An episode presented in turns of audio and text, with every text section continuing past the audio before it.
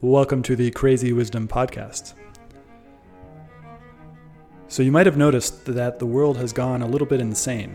Um, and to get through this in a way that is sustainable and maybe even joyous, we are going to have to find some crazy wisdom, uh, which is why I named the podcast Crazy Wisdom. And I try to find guests who are both contrarian and right, uh, as well as people who can help us to understand how we can get through this period of both acceleration as technology accelerates and maybe even a little bit of darkness uh, as well as some of you may have been noticing really crazy stuff is happening right now. So um, my goal with this show is to empower you with crazy wisdom uh, and give you the tools to figure out how to do it on yourself because we don't can't rely on too much these days. Uh, so with that being said, if you like what I'm offering with this show, I'm on Twitter at Stewart Alsop III. My DMs are open. I'd love to hear from you about how this show has affected you. Thanks. Have a great day. Welcome to the Crazy Wisdom Podcast. My guest today is Courtney Hodges, and she is really passionate about helping kids. And she actually, uh, asked her what her business was before we started talking, and she said that she helps kids uh, with cancer. Uh, welcome to the show, Courtney. Thank you for having me. Yeah. So, can you go more into detail about exactly how you helped kids with cancer? Yeah, I would love to. Um, well, kids need uh, an advocate. A lot of families need a patient advocate because they have other kids at home. And when kiddos need to go in for treatment, they have to be in for a while, sometimes a long while. And so they need people who will come and sleep over and stay with them and hold their hand when they need it and just kind of be there for them, sitting tall, representing them if, as much as we possibly can. And uh, and helping the parents with anything they need. So if the parents need funding, if they need a new car to get back and forth to treatment, if they need help with their other kids, if they need shampoo, I mean a, a bar of soap at Nation Children Nationwide Children's Hospital is $9.99. And it's just these families don't have this kind of money. So, uh, an advocate means you help in every way. You research for the parents, you help them research and find specialists all over. Now, these hospitals have social workers, but they're bogged down. Too many kids have cancer now, you know, environmental.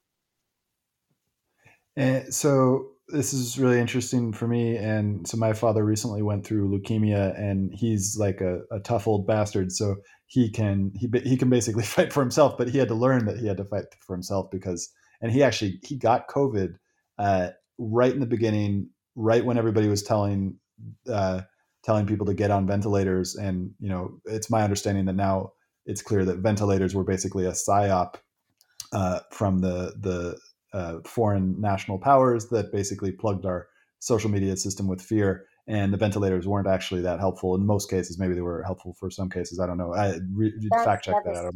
I, I think so much of this is just devastating. Ah, yeah. And how was he? Well, and so he he speaking about this advocacy, he there there was this time period. So this was back in April, so probably about a year ago now, and um and so it's this time period where he like He's the first wave of people who got COVID. He's elderly, has an immune system that's not functioning because he just went through leukemia. And then he gets COVID. And of course, the ventilator is the thing that they suggest. But they found out that in New York, the ventilators killed a lot of people. Right. And so he says, No, I do not he want the ventilator. No. He, he, was his yeah, he said no and he actually found out that, that, that the main thing you do is you pronate, so you turn the patient on the side, yes. uh, and that helps them clear the lungs. And so he asked the doctors to do that, and so that was a clear kind of like advocacy thing. And for myself, I've ever since I was, you know, I've I've uh, been now uh, screwed over by the med- medical system maybe five times. Um, the first starting with medication that I didn't really want to take, uh, that were kind of forced on me by by parents, and and I, you know, I, I try. If I had had an advocate, that would have been great when I was younger. But it was my parents, so there was no way that it was that I was that I was getting out of that one. Um, but you know, it's like I was on medication that I didn't really want to take in the beginning, and I was on it for about 15 years. Uh, and then getting off of that shit was gnarly, like really, really gnarly in a yeah, psychological. because your endocrine system was developing while you were under the mm. influence. Yep. Yeah, yeah. and that's not your fault. And that's yeah. we have to understand what we're doing to these children. These beautiful, powerful, but you know, we also have to understand that these beautiful, powerful children, like you were, are way more powerful than the drugs. But the drugs can take them down, you know, and um, it's this is a bad cycle that we're caught in, that we're catching our children in, not believing in the human systems that have been developed over millions and millions of years. Millions to, years. and they're so much more perfect than practicing medicine could possibly be. And medicine's important; it's so important. Yeah. But well, that's what, that's what I want to kids down with medicine is a is uh, it's it's a dark thing. Well, and that's what I wanted to ask you is how do you because like medicine is obviously important because you know you, we the kids have cancer and we can talk about how they got cancer. Environmental stuff definitely seems like a likely uh, thing for why many kids have cancer, but there could also be genetic stuff. There could be Absolutely. other things. Um, Ninety so how cancers are environmental. Whoa! How do you know that? Uh, you can go to the Mayo.com. Mm. It'll explain it. And you can go so, anywhere. You just look it up. Ninety percent now. Ninety percent. And now with kids, it, it I do believe it's a little bit different. It doesn't specify. With kids, I do think that you know epigenetics is, is something. You know, uh, mm. but yeah, it's not that the kids are doing anything to get this, but but the toxins that we do fill them with don't they it, there's no way that mustard gas is the only way. Hmm. And so and toxins here is like you know it's like pesticides in our food, uh, yeah. uh, plastic in our water, uh, gas, uh, radiation, exhaust. Uh, yeah. Yeah. Anything else? Um, I mean, exhaust. I think exhaust is a huge thing. I think that the gas industry, the oil industry, doesn't really help very much. But I also mm. think that, um, I mean, like look at all the pollution in big cities, and who who lives in the most polluted areas? The people that don't have money. There's a reason for that. Yep, and and and the this is I've spent a lot of time in kind of big Latin American meg- megapolises, and when I was younger, I didn't really feel it because I wasn't too attuned to my body, and I had lived in like Bangkok and uh, and several other places, and then now that I'm in my 30s, I, I go to these cities. I went to Medellin uh, to live there for three months, and I was just like, in Medellin is in this in Colombia is in this valley where all the pollution sits there. So like 30 years ago, 40 years ago it was just absolutely one of the most beautiful cities in the world. It was also, you know, had intense drug violence, but uh, but then pollutions get worse and worse and worse. And so, and now when I went there, I was just like, I can't live here because I can't exercise outside. If I'm exercising, I can feel the cognitive decline. And they've done now a lot of studies on on cognitive decline and also expectancy. Life expectancy is going down in the same way that uh, it's like worse than cigarettes, basically. If you just live in one of these places Dimension, in the United States, we still have pollution as well. Yeah, and the fact that you could tell that you felt your body, that you felt your brain unable to, maybe like inflammation in the blood brain barrier, unable to, you know, for that rapid firing to happen, that says so much about your connection with your body. We should teach that to kids from the go. Well, and this is something I think a lot about is like, well, I've learned all these things in the last 10 to 15 years about how to uh, kind of take care of my body, how to pay attention to my body, how to in, improve the mon- body mind connection. And I often, the, when I first started doing it, when I first started with the breathing techniques and stuff, I was like, why didn't, why didn't anybody teach me this? Right. And it's like, nobody knows it. Nobody, nobody, nobody. Why. It's not maleficent. Yeah. It's that yeah. they were never taught. And it's yeah. our job now. It's our job, mm-hmm. us who do understand it's our job now to kind of stop and pull the people who are never taught up and say like hey or out not up because we're all side by side but pull them over and say hey you're okay like we yeah. and the fact that you know this but you are this just proves my point that kids are so much more powerful than the allopathic drugs yeah. i mean our bodies then, are so much more powerful but but they but they need the allopathic drugs as well right it's like so what's important. the line we absolutely need them and it uh, the medical industry, it's miraculous. It's it's miraculous the strides that we've made.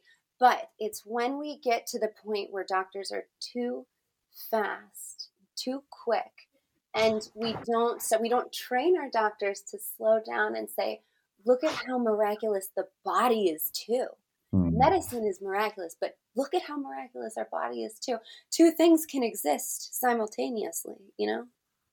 And that's the huge thing about uh, about this current thing that we're in right now is just like the inability for most people to take two seemingly contradictory ideas, but they're actually not contradictory ideas. They just seem like that to the uh, stereo, the way that we stereotype and the way that we inhibit signals from the out, which is all necessary.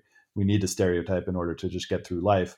But at the same time, we also need to, as we move into our next stage, which seems to be very accelerationist uh, in terms of technology and, and medicine, all these different things, all these different options we're going to have very soon uh, and I think you're right. You've pinpointed the the issue is that people need to slow down um, and and, like consider podcasts. Well, that's that's what you just said. Slow down. We can go fast while slowing down at the same time. Mm-hmm. As long as from the pace. Pod, podcasts are important for this objectivity. This is how it's going to change, right? Mm. Yep. And so so kids but how do you know so i don't know maybe you can pull from an example or something like that. You have a kid who has cancer who needs the allopathic medicine uh, and the doctor's rushing to kind of like because the, the doctors themselves now most of the doctors have stopped uh, it's like the, the patient to doctor relationship is now being kind of sidetracked by the amount of administration work that each of the doctors have to do. So the doctors have to write up the notes and kind of well, fit into these regulations. Yes, that's a whole other thing, but it's protocol. What hmm. we hmm. what we what doctors go back on that they, they say it's protocol. Well, this is protocol. But we need to question protocol sometimes. you know, we need was... innovators in medicine and we need innovators in government and we need innovators on the front lines in corporations and we need good innovators who will look at protocol and say maybe it needs to change now. Well and, and so i can give a clear example of that like uh, when i was 15 years old and i was suffering from depression i wouldn't really do the things that the the school system wanted me to do and so my parents you know my parents understandably wanted a fix wanted me to to to do the things that i was supposed to do so that i can get the goals so i can do all the things uh, that that they wanted me to do uh, and so, I, you know, I would see doctors, and the doctors would have a protocol. Okay, well, so he's depressed, so let's try him on Prozac, and then let's try him on on Wellbutrin. And it's like, and it, this this all stems from this this idea that the a silver bullet. They're looking for the silver bullet, which is medicine, which is you know that's something that we can test. We can give somebody a sugar pill, or we and we can give the medicine, and then we can check in on them and see how much the the medicine has actually changed things. Um, and so everybody's looking for a silver bullet the problem is, is that that's of the testable, and there is a large part of our reality that is unknowable, uh, either that we don't know right now, and we might know in the future, science, uh, and and the literally the unknowable, like things that we might not ever be able to know because there are so many variables that go into the, the choices that we make that it's extremely difficult to. And so modern medicine is essentially sidestepped that by only going with things that they know they can test and then just ignoring the fact that we don't know uh, about all these different things. So the protocol was to give basically, you know, try these medicines and we found one that worked. And, you know, I, I, I do have some, some, some gratitude for that experience of having that one work, but it was done in a really bad way because it was essentially open-ended because the doctor didn't have follow through to be like, Hey, okay, so you're in a bad place right now. Let's give you this for six months and then stop uh, and there's no just like you know in American culture has started to have really poor ways of ending things. We don't know how to end things like TV shows, Cycles. music. Uh, yeah, we can't we can't end it because that would be too close to death, and that would that would be scary. So. No, and we are so afraid of being afraid, aren't we? What you're saying is, yeah, we're they're practicing medicine on kids, and now like everything we need to practice medicine in order to advance it, but we are practicing it on children. And we need to find an answer within the middle of that. And that and it's like for you what you're doing is you're advocating at the individual level whereas a lot of the times you get stuck in the system and the system doesn't view you as an individual it, it, it views you as a cog in the machine that needs to be fixed. Exactly. But that's like which which kind of like you know psychology a lot of people think that psychology is a is a science but I, I would tend to disagree that psychology is a science. When we get in, before we were talking on the show, before we started recording, you, you mentioned that our inner world is much larger than our external world, and even the external world is seen through the inner world. There, there's nothing that is objective that humans can talk about that has not passed through a subjective layer, right. and so the, it's like a little kid has a name and they have a personality and they have a future, and it's like the, the doctor just doesn't have the time to be able to really encompass that and, and put it into their notes and like try to figure out like i'm sure a lot of doctors there's a lot of doctors out there who are great at doing this but just like the system itself the incentives in the system are so screwed exactly. up now. the doctors are just as much victims of the systems yeah. yeah you're exactly right you're exactly right i've seen so many beautiful oncologists who are new who have these sparks in their eyes and then I've watched those sparks slowly and slowly get a little less aglow, you know, become a little more like their eyes go from windows to mirrors. And you just, the kids need windows. It's really important mm. that the kids have all eyes on them need to be windows, not mirrors, because the kids mm. feel the fear that other people fear. Yeah. Yeah, they can see is, it. Yeah. And this is something just hanging around with kids is like, uh, you know, I used to get told that I was too sensitive when I was a kid. So I kind of. Oh my uh, gosh. Oh my goodness. well, especially as a man, like it's just like, and, and, and, and we need more sensitive men. A real man cries. yeah. And, but I, but I think they're like men being not sensitive in certain ways because there's a there's a problem that most people use the word sensitive uh, in various ways. They mean various different things when they when they mean sensitive, and a lot of times it means understanding. You felt uh, and, more, yeah. You understood. Yeah, well, no, and that, that's the other one. So the the other one is actually like pure, like sensory. My sensory uh, makeup is more sensitive, so that the inputs become are much more uh, uh, direct and powerful, and and and or and so, but then but then it also gets mistaken for understanding or compassionate or kind of like this kind of vague thing. And so like my sensory system is operating at a different level than most people. I can i can that say that and so, i think that's true you know what? I think that those are the gifts that are going to bring people to understand society versus what we could have. The people who can feel yeah you're right. Maybe it doesn't mean that this is what the kids are like. It doesn't the kids at the hospital just because you feel it louder doesn't mean you understand it louder but you feel it louder. So truth is probably really important to you well yeah it's very very important to me. And that's and that and that's that's my point was that the kids like a lot like people used to tell me that i was too sensitive uh, as if other kids aren't sensitive. But i have a theory that all kids are sensitive uh, uh, and then some kids because of that and some are more than others of course. And i do think that i did have more sensory kind of input. Uh, but all of the kids are sensitive. Like kids can feel things so and then the ultimate like the way that we teach them because usually when you're interacting with kids it's not the things that you say that they pick up on. It's their your tone of voice. It's your it's the way that you are. Uh, yeah. and and so they pick up on it and then most of the adults are numbed too because to live in modernity we have to numb ourselves. Yes. Uh, and then and then so they pick up on that numbing as a way to get through.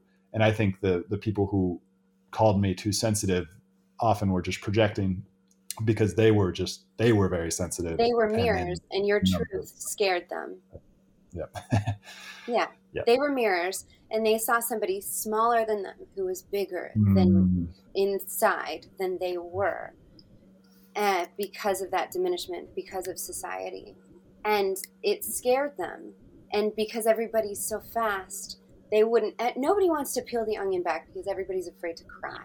So they just glaze over. Well, and not not only cry, uh, go crazy or crazy. or like because die. Cause, cause, They're afraid to die. They're afraid for the ego masks to die yeah. because then they have to face how long they wore that mask and how insane the world is like and how like like how treacherous uh like evil isn't the right word but it's like how uh destructive su- how much suffering there is like and for most people it's just not available to tune into that suffering because it's too big. Um, it's going to be so and, important for everybody to die with their ego masks and to live again.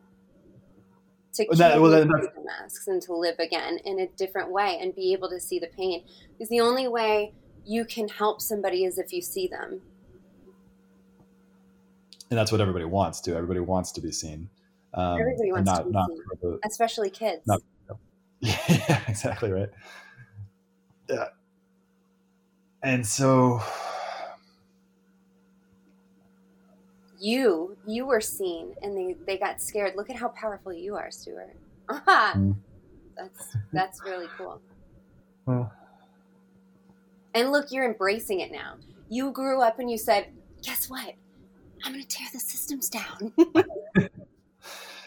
and as we're, I think we were talking about this before. I don't think we were recording. Now it's all kind of blurring together. But um, the tearing the system down is not an actual like actual like physical tearing the system down because I No, think we've no, tried, that enough times now. no. uh, and uh, it's more of just like tearing down the the the system within us because Yes. because it's all part of the ego matrix. The, the matrix of the ego has like it's like when we look at the system, we're not looking at the system, we're looking at our part in the system, and like.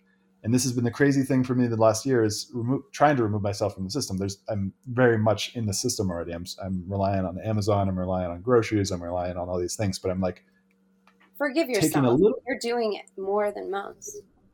well more than most and i'm like taking I'm, I'm i'm not aiming to get off of the whole system i'm aiming to basically uh find out my leverage points because now like the main thing that has made it really clear was talk of covid vaccines uh, vaccine passports uh I have no problem with the vaccine. I think pa- vaccines, as we've been talking about, allopathic medicine, extremely important for public health. Right. Uh, Exactly. but, I'm, but I'm I'm very against uh, forced vaccinations, particularly seeing as I've already had COVID and I have immunity for at least eight months, if not longer, probably until the next season. So there's no no risk profile. Like there's no reason for me to take the co- The vaccine. most important thing is we cannot take away people's free will. We are not a communist society. We believe in free will. We believe in freedom. And the second that that starts to slip, you're going to have people like you and people who are powerful start to wake up and say, "Oh Mm. no, no, no, that's not that's not going to happen." And as those tr- tr- those trickle down, as more people see people like you who are bright and brilliant waking up and saying, "Hey," with a smile and love, saying, "Hey, I'm I'm very articulate and educated, and this is not free will. This is not freedom." People are going to see that and they're going to go totally against it. There's no way things like this will ever win because of people like you.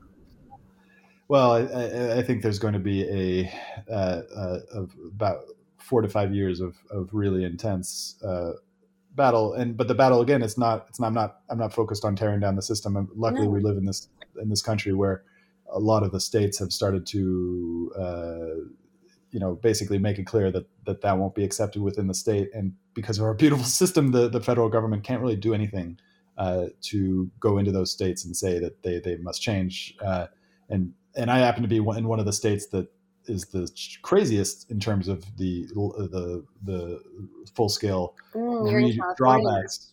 Yeah, I'm in California, so it's been like our liberties have very much been. Uh, but the cool thing is, we also have a county system, and in the county that I'm currently in, uh, the law enforcement has stopped to uh, enforcing it once Newsom was kicked out, uh, was told no by the Supreme Court. So, um, so there are there are even within these crazy states with the statewide policies, uh, there are options for people to basically. The, key thing is to get out of progressive blue, blue cities. Um, you know, speaking as a former progressive myself, like I don't, I have nothing wrong with the ideals of progress. Like I love progress, but this is not progress. Um, and uh, You know, Yeah. I did a documentary tour, and it was called Of by Four, and it was on the two party system. And we drove from Chicago to LA. We would stop in, we drove Route 66, and we would stop in little towns along the way. And I would interview people on where they fell in the two party system. And Mm. if I asked them in a group where they fell, they would go one side or the other. Very em- emphatically. But every single time I pulled somebody away from the group, and I did this every city we went to, they all fell in the middle individually. We just have to remember our own individuality. individuality. and then also recognize that we do a lot of us do believe in in groups and and that right as you said once once you are around the other in group and this is probably explains a lot of social media uh, it's like once you because we, we all have a public idealized version and then we have a private actualized version um, right. of ourselves and we display one, one thing differently to the other and there's nothing really wrong with it but it, it can it, when taken to the extreme it goes kind of nuts. Uh, and this is why our politicians are all essentially like crazy right now is because they all have a they are all very very good at, at managing the the the public persona um, but then they do things like Newsom uh, who basically like do things that are uh, totally against the what the values of that public persona say and then critical, yeah. well you yeah. know the biggest in group is the middle. People just don't realize it yet. And also i think that the it's the middle isn't uh, vocal. So that that because of the incentives of all these uh, of the the tech companies and all, all this different stuff they the the the it's like nobody like as of now for the last five years nuanced voices nuanced uh, arguments don't go viral in the same way that uh, very emotional ones do. And i don't know if you saw it but uh, project veritas went in and, and recorded uh, the cnn director being telling it exactly as we have all been thinking, but now we kind of have proof that that CNN was pumping the numbers for COVID in order to make more fear. The news uh, is a uh, company, uh, and if they don't have the information, they will make up the information. Yep. I've seen that enough with kids with cancer and the news crews coming in, and if they don't have enough information, they'll make it up about the children and it's so crazy because like those that so for our generation we're a little bit younger we still have a lot of our kind of mental processes and like as we've been talking about our generation is starting to wake up to various tools that we can use in order to to get more nuanced uh, but our our parents didn't do that. They basically warned us about apocalypse coming apocalypse and then didn't do anything about it because they built this system of they really convenient shoulders and then told the children not to feel. Yeah, exactly. Yeah, exactly. Yeah. And again, it's like it's like ignorance. It's not it's not something that we can blame them for because we're all ignorant. And they uh, were we, hurt children too, and they had yeah. wars put on their shoulders, and then they were told not to feel, and their parents yeah. too, and their parents' parents. And so yeah it's just like this cycle and like and you know that and i guess this is kind of where some optimism comes in is that we can really change it. And also the projections the the like covid taught me that people projecting uh like n- not projecting in the psychological sec but projecting into the future and saying this we know that this will happen based on current circumstances. Like if you go back and look at any of the models last year of what covid would do they were wrong. They were really wrong, um, and they were also used not as models, but used as uh, as like essentially like a, a propaganda. Um, and so and so a lot of these kind of things that we fear in the future happening might not happen in the way they do. But that that being said, there are a lot of like potentially existential risks that we face. But I'm getting more and more optimistic that if enough people start to question the system, the system itself might just the system depends on our on our on our um, complicitness inside the system and, and if enough of us kind of question it and go back and basically grow our own food uh, and uh, grow, growing their own food is i think the big thing. That's the big thing that we need to a lot of us need to start doing because one thing i've recently come into contact with is the fact that uh, if the the if the land is tied to economic incentives for example a big farmland or a big factory farm or anything like that the incentive will always be to maximize profits. Uh, oh, and yeah, so, and, and any shortcuts that they can go through to do that, they'll do. Exactly. And we and are so the victims that, of shortcuts. And that's how, and then, and then, so if we all get our own land, and obviously that's not within the means of most people, but even if you don't have your own land, you can still do vertical farming. Um, the most still looking powerful thing you can do is buy land and protect it with all of your mm. might. Mm. Yep. And nurture it. Put magnesium back into the soil. Get some. Get as much nutrients as as many nutrients as burn, burn, and then let it grow. Look at what mm. the Native Americans did. Let's learn and burn and let things grow. And what you were saying before, like ending that, the good is truth, and the good will always win because it already has. But I think you're right. I think that the best thing we can do is buy up land and protect that land like it's our baby. Mm. And that's and there's so many benefits to that too. Like the the as we were talking about before we started recording as well, it's just like the the the the the, the way to receive is to give. Uh, and exactly. and so you know we've got all these kind of mindfulness techniques and all these kind of things, but it's still focused on the individual and really like solving our own problems. And then we really need to solve our own problems before we start solving anybody else's problems. Yes, um, give without uh, expectations, but, but, give to yourself first without expectations. Yeah. Exactly. But then the land, like once you start to put your hands in the dirt and then grow something, uh, or, or even just getting a pet, it's like it's like you you've created this this this interdependent relationship. I almost said codependent relationship, but it's inter, interdependent. Interdependent. You're right. Wait, do you think you can be in a codependent relationship with flowers or plants because you grow flowers? Do you think you can be in a codependent relationship with those flowers? No, it has to be balanced. But like so but i guess an example of a codependent relationship would be giving too much water to the plant right right everything has to be balanced like your give and take has to be balanced. And the the flowers give and take too. We're every we're a system of measurement but we have yet to focus on balance in all in all areas.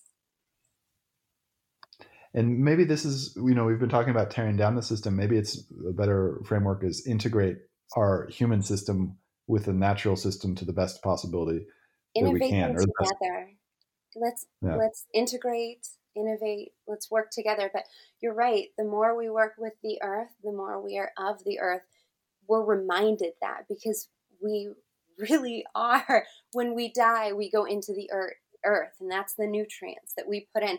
If we are acidic our earth is acidic. I have land and when i walk around the land i see more and more ivy and i like poison ivy and i see more and more um, hawthorn trees with um, big with big thorns all over them. And our land is becoming more acidic because we humans are becoming more and more acidic. We need to clean up ourselves so that we clean up the earth. And yeah. vice versa. Yeah and that's and it's and and and some parts of our system i think are going to be really hard to change. Like uh the the amount of wastes that we we produce as human beings is really just like something that I don't know how we're going to solve that uh, by you know like but but then you know people said the same thing about 100 years ago. Aluminum is the best best example is that aluminum was this like highly highly uh, rare metal uh, but then we found out a new way to get uni- um, aluminum and it changed our whole makeup.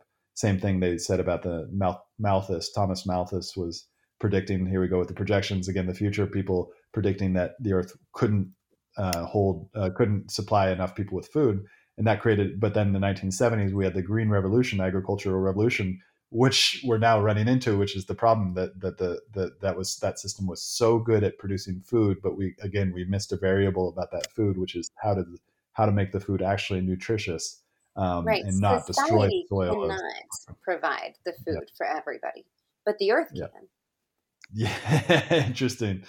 Yeah, and so yeah, it's it's establish it's establishing an interdependent relationship with with the earth by either um, getting land and starting to grow maybe 30 to 50 percent of your food needs on, on that land um, and also uh, i think if you're in cities then vertical farming or community farming um, there's a lot of different options but basically yeah, I think it's just creating your own food. Um, and if if anybody wants an interesting idea, uh, go to uh, a podcast, one of my podcast episodes, uh, "Make Your Forest Resilient Again." Um, I interviewed this. Yeah, I interviewed this guy in Brazil who um, took over. And Brazil has one of the worst modern agricultural systems. They've like a lot of destruction in that country but he's gone and taken land that was barren um, because it had been chopped down and then cattle were put on it and then it basically land got barren. And he's through after a year uh, re, uh, made the, the, land resilient again and made it uh, producing for organic organic food. And um, ah. it's just like it's teacher. it's possible. What a teacher. Yeah.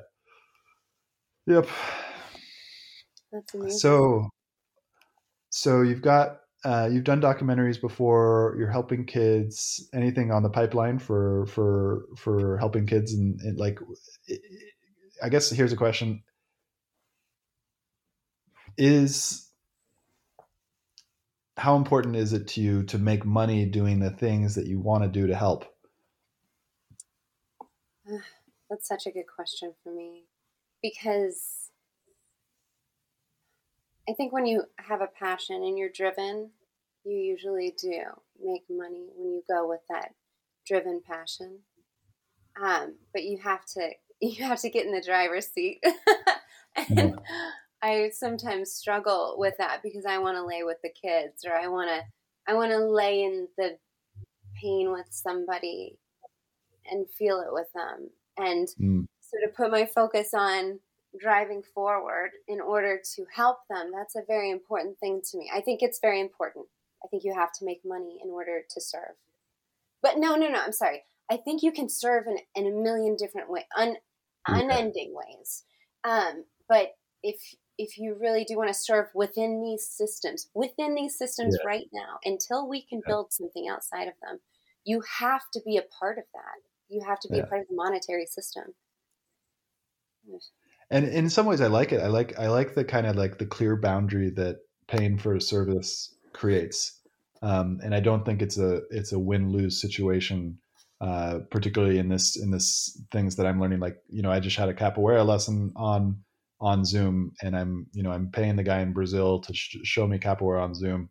Like i don't think anybody lost in that in that in that exchange. Wow, like you're right. I paid him money. He he's doing this thing that he loves doing uh, and and so it's like it's just like win win. The win lose situation is like part of the crazy consumption thing where it's like uh, it's the single the single use plastic is crazy. I wish there was some way that we could figure out how to make because the single use plastic. The reason we use single use plastic is because you got to go to the store and it's really inconvenient to remember every time that I can bring these like cloth bags to put the things in. But then also the system itself requires the single use plastic because it's also on the the factory side, the factory, you know, I, I have the, I like to buy little seaweed packets, and those seaweed packets, it's like to make that plastic recyclable or it just even biodegradable. You have to the the plastic the whatever you substitute the plastic with biodegradable stuff needs to be cheaper than the plastic, and so far the plastic is the cheapest. Um, it's all about so cheap. Yeah, what's that? It's all about cheap. Yeah, which yep. has to be in these systems. Yeah, it's all shortcuts. Um, but the end, and I'm I'm just as much guilty of this. You know, of, we of, are. There's no way to be in the system. That, yeah. Right, yeah. and it's but it's all shortcuts, and we're just we're going to have to face discomfort soon, and we're going to have to face it. We should we can either face it in misery or we can face it in power, looking forward, like praying over our kids' kids. We can face it in in terror or we can face it powerfully. Yeah. And and i think the time frame we we have more time. Like most people are thinking that apocalypse is on us right now and i don't buy it. No, i don't buy that no. apocalypse is on us right now. I, like i think we have maybe even a significant amount of time um, to start changing our systems and we're at the very but that we're, we're at the very beginning of the realization that we really need to change our systems um, in order for well, future generations. I think when more people see and hear podcasts like yours, um, and, and see people not just talking about it, but um, in faith, faithfully living with a knowledge that there's there could be something else. Like you keep mm-hmm. talking mm-hmm. about nurturing mm-hmm. land, and when we make it not a fad, when we just don't even we don't when we just do it people will see it and people will do it too because cycles are bad but cycles are also very very good. We just need to create the good ones. Yeah. And that's where the human agency and human will thing comes in where it's like uh where it's like we have we have like it, it, you know people question free will people question whether it exists and like those are all kind of just like, well, you know, does it really matter? Like, what are the choices that you're actually making, and do you have agency over those choices? And I think in my own life, even if it's a delusion, I still think I do, uh, and it still feels beautiful to to have it. It's like, um, uh, so yeah, it's it, it'll be interesting. Um, it will be interesting, but again, it'll be good. I do think it'll be good because of people like you and people who you listen to you and people who tell other people to listen to you. And, you know, like I yeah. think that people like you who want who want to do this gently without sharpness but creating new cycles i think that's that's all you got to do is just be you. And yeah. you know what? They tried to keep you from being you. They didn't even know. They didn't even know how powerful you are.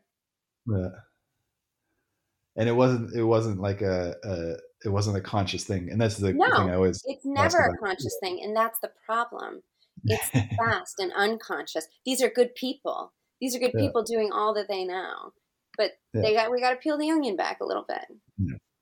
and like we got to convince people that just through our actions that peeling back the onion is a worthwhile activity that I always remember there I saw this cartoon and this might be get a little religious for many of my listeners but uh there's a, a, a picture of like Jesus or God and next to a kid and the kid was clutching on to this uh, stuffed animal. And behind Jesus's back there was a, like a much larger awesome stuffed animal.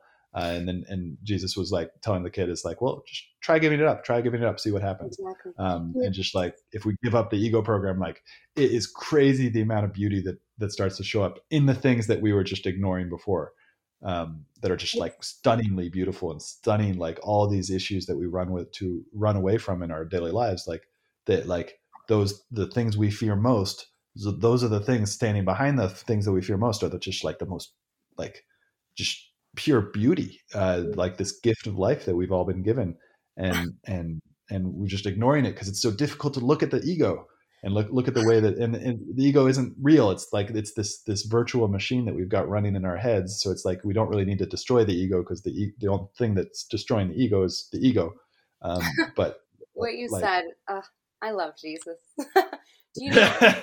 I love Jesus so much. Yeah. The kids, when they are passing, I've sat with six when they passed.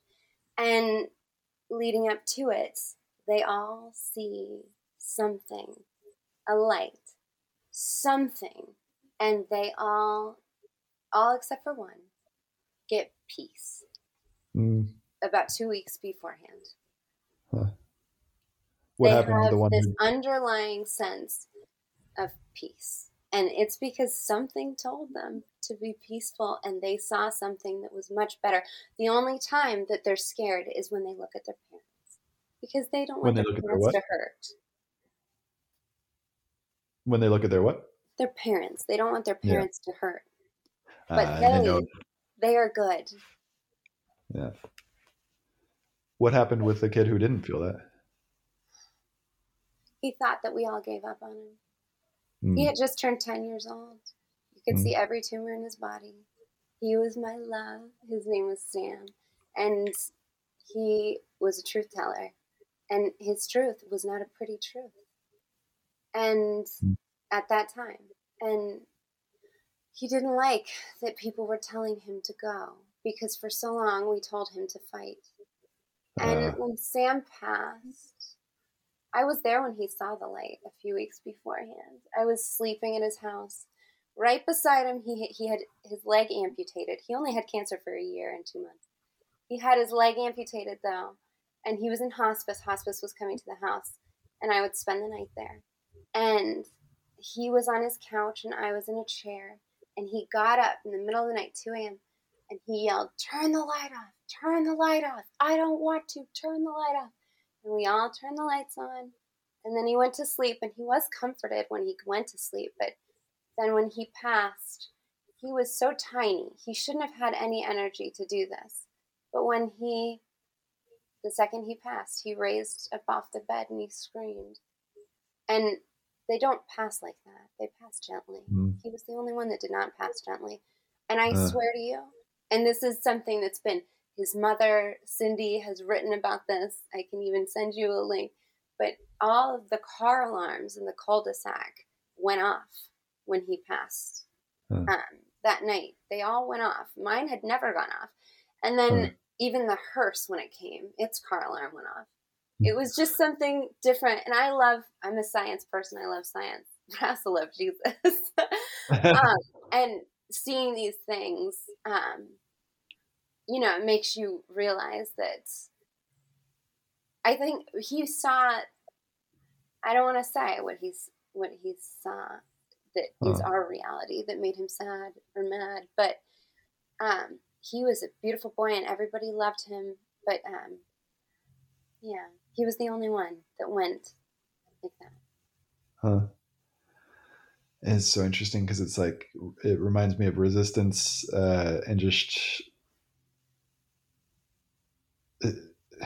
uh, I, I ha- have had a lot of resistance in my body uh, to what's going on right now.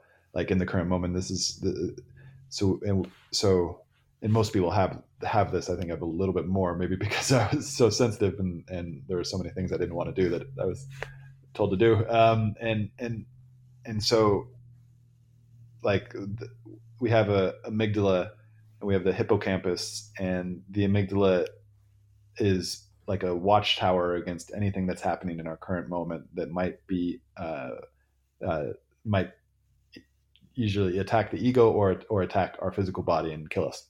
Right. Um, and then, so in cases where there's trauma, there's there's a connection between the hippocampus and the amygdala. So the, basically, the amygdala takes over the hippocampus, and we start having real difficulty telling between telling between past memories and current memories. Um, and so the amygdala, and this happened to me, like where there's just basically like I, you know, I'm I'm in this area. I'm I'm in the current moment right now. Nothing is going on in my current moment that should be causing me fear. Yet I am in a fear state, and this happens with veterans. The veterans come back from war. Um, you know, uh, uh, anybody who's had kind of like a near death experience that maybe when they're younger or anything like that, they just they can't see reality as it is. They're resisting reality as it is. Um, it's and that again, defense. It's, you something wants to defend that inner child. Something wants to protect it. Mm-hmm and it's just like it's yeah and it's like most people are in that state particularly now with covid. It's like because because covid the, the, the thing that separates it from previous uh, pandemics there was 1957 and 1968 both within the modern era both when we had the ability to lock down but we didn't do it because the the the uh, counter effects would be so bad which they were. We, we we did that experiment and that's actually what happened. That's what they believed in 1957 1968 that's why they didn't do it. And the pandemics there were, were worse than they are currently um, and so, uh, but the, with this pandemic, we've had the added layer of a media that has started to basically become uh, addicted to to uh, uh short-term revenue from just getting pe- emotional signals as, as high as possible. Uh, and so, and also that with the social media, so it's spread like wildfire. Um, and so now we've got people, we've, we've basically done that to the amygdala of a bunch of people. And so they now fear other people exactly. Um, Everybody's yeah. walking around hurt and scared and sharp yeah. and sharp, sharp things. If they bump into something else, it hurts and hurt people hurt people. We just need to peel that onion back and find out why everybody's hurting. And you're right, media is a huge problem. Media tells people what they're supposed to think because media needs people to, it's the click thing, the clickbait. Yeah. Media is a company. These are companies that we're that we're selling our souls to. No. And it's because we're addicted to these to these cycles. I, like unfortunately or unfortunately, I had a lot of fear. I've had a lot of fear in my life, so I've been and like I had to deal with it in order to to just live my life.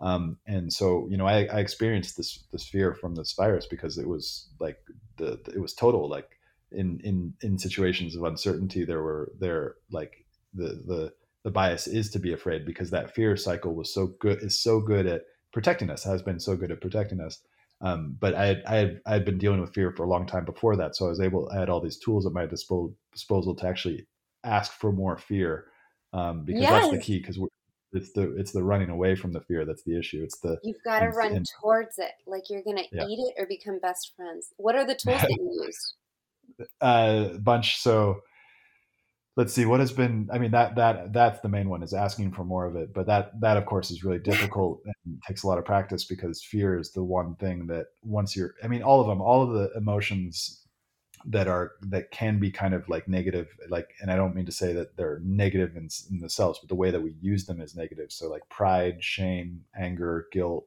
fear um, all of these can lead to not being in integrity if we if we don't um, if we don't if we uh, repress them.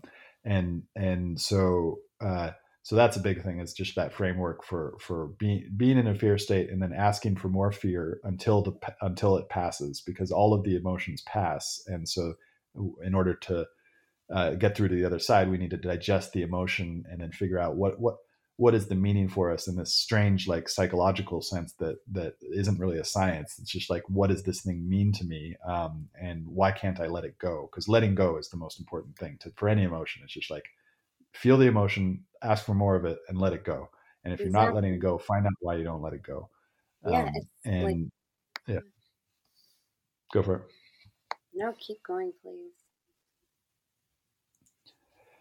Yeah. And so then the other tool yeah, the other one. Other tools would be like breathing exercises. The best one is a, that I found is a four second through the nose and then an exhale for eight seconds. Uh, it doesn't need to be that time. You can just double the length of the exhale.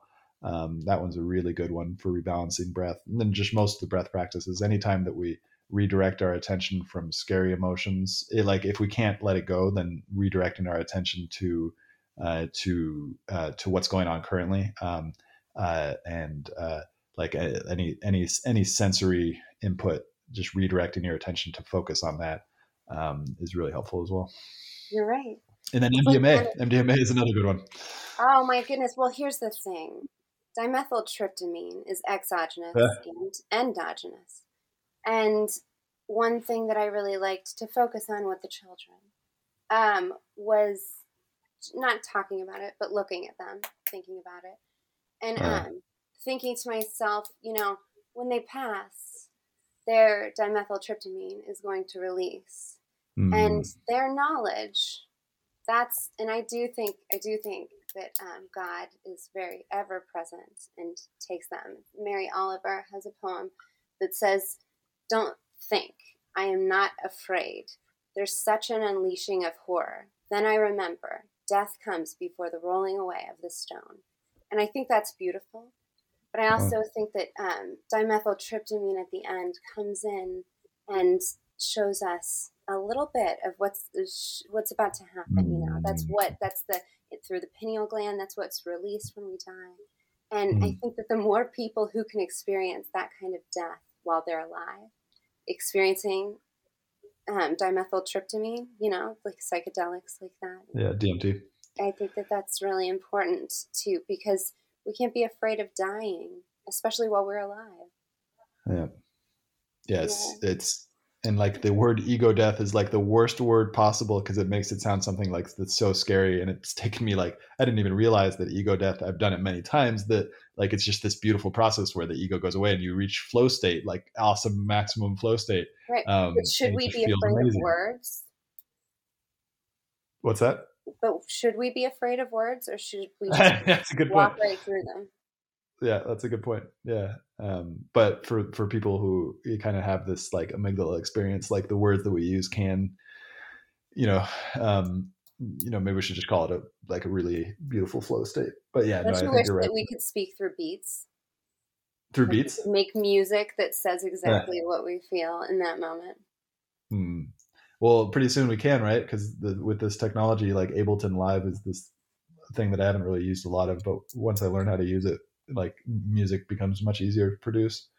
Um, once we know what we're feeling instead of what we're thinking, things will hmm. fall into place. Hmm. I think what you were talking about earlier too, like looking at the terrifying and the gratifying seeing them both as beautiful and letting them pass over and over is an important yeah. meditative state that we should do with all aspects of our life. Yeah, and that's another thing too is like the just like the fear states or and the, the kind of quote negative emotions with the positive emotions. It's also really important not to grab onto them because then that just creates the fear state as well. Because then you're like, oh, I love that, and then it goes away, and then you're like, oh, I want more of that, and like I fear what I'm currently experiencing because that was so great and this isn't as great. So I want to feel more of that, and then that that leads to the same cycle, just a different different take on it. Whenever I make a mistake, and man, I make I make a lot of mistakes. I learn from whenever I do though. I think to myself now, like, oh, that was free will. How beautiful was that? I could make that mistake. Mm-hmm. That's cool. and let it pass, let it come. Yeah.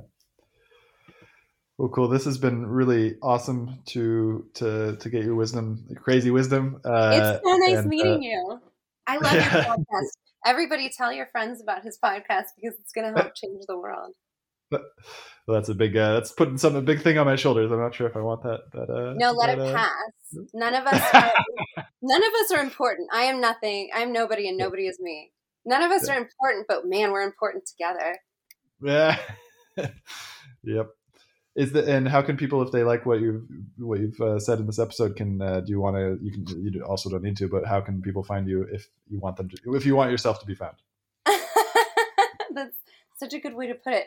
Well thank you. Um i'm i'm on twitter at frankenstein court but it's f-r-n-k-n-s-t-n court c-o-u-r-t and then yeah that's that's basically it I write yeah. a little bit here and there, and the website's up there on my handle. Thank cool. you. Thank you so much. It was so nice meeting you. Have a great, have a blessed night. Thanks. Hope you enjoyed this episode. I'll be publishing episodes every Monday, Wednesday, and Friday in the morning. If you did enjoy this episode, please find us on iTunes, Spotify, Stitcher, many of the major podcasting platforms, and go ahead and give us a review. And also subscribe. And as always, I'm on Twitter at Stewart Alsop III. Come join the conversation as we aim towards the truth. And the funny thing about truth is that you can't really put it into words because every time you put the truth into words, create a linear narrative out of something that is nonlinear. The truth is nonlinear. It's not. It's. It's. If you really recognize the truth right now, your mind wouldn't know what to do. It'd be overwhelmed by beauty pain, or it's. It's something that is beyond our linguistic capability to represent but that doesn't mean that the language isn't helpful. Language can point us in the direct right direction, but it's it's not it's not the truth itself. And so come join this collective inquiry into the truth.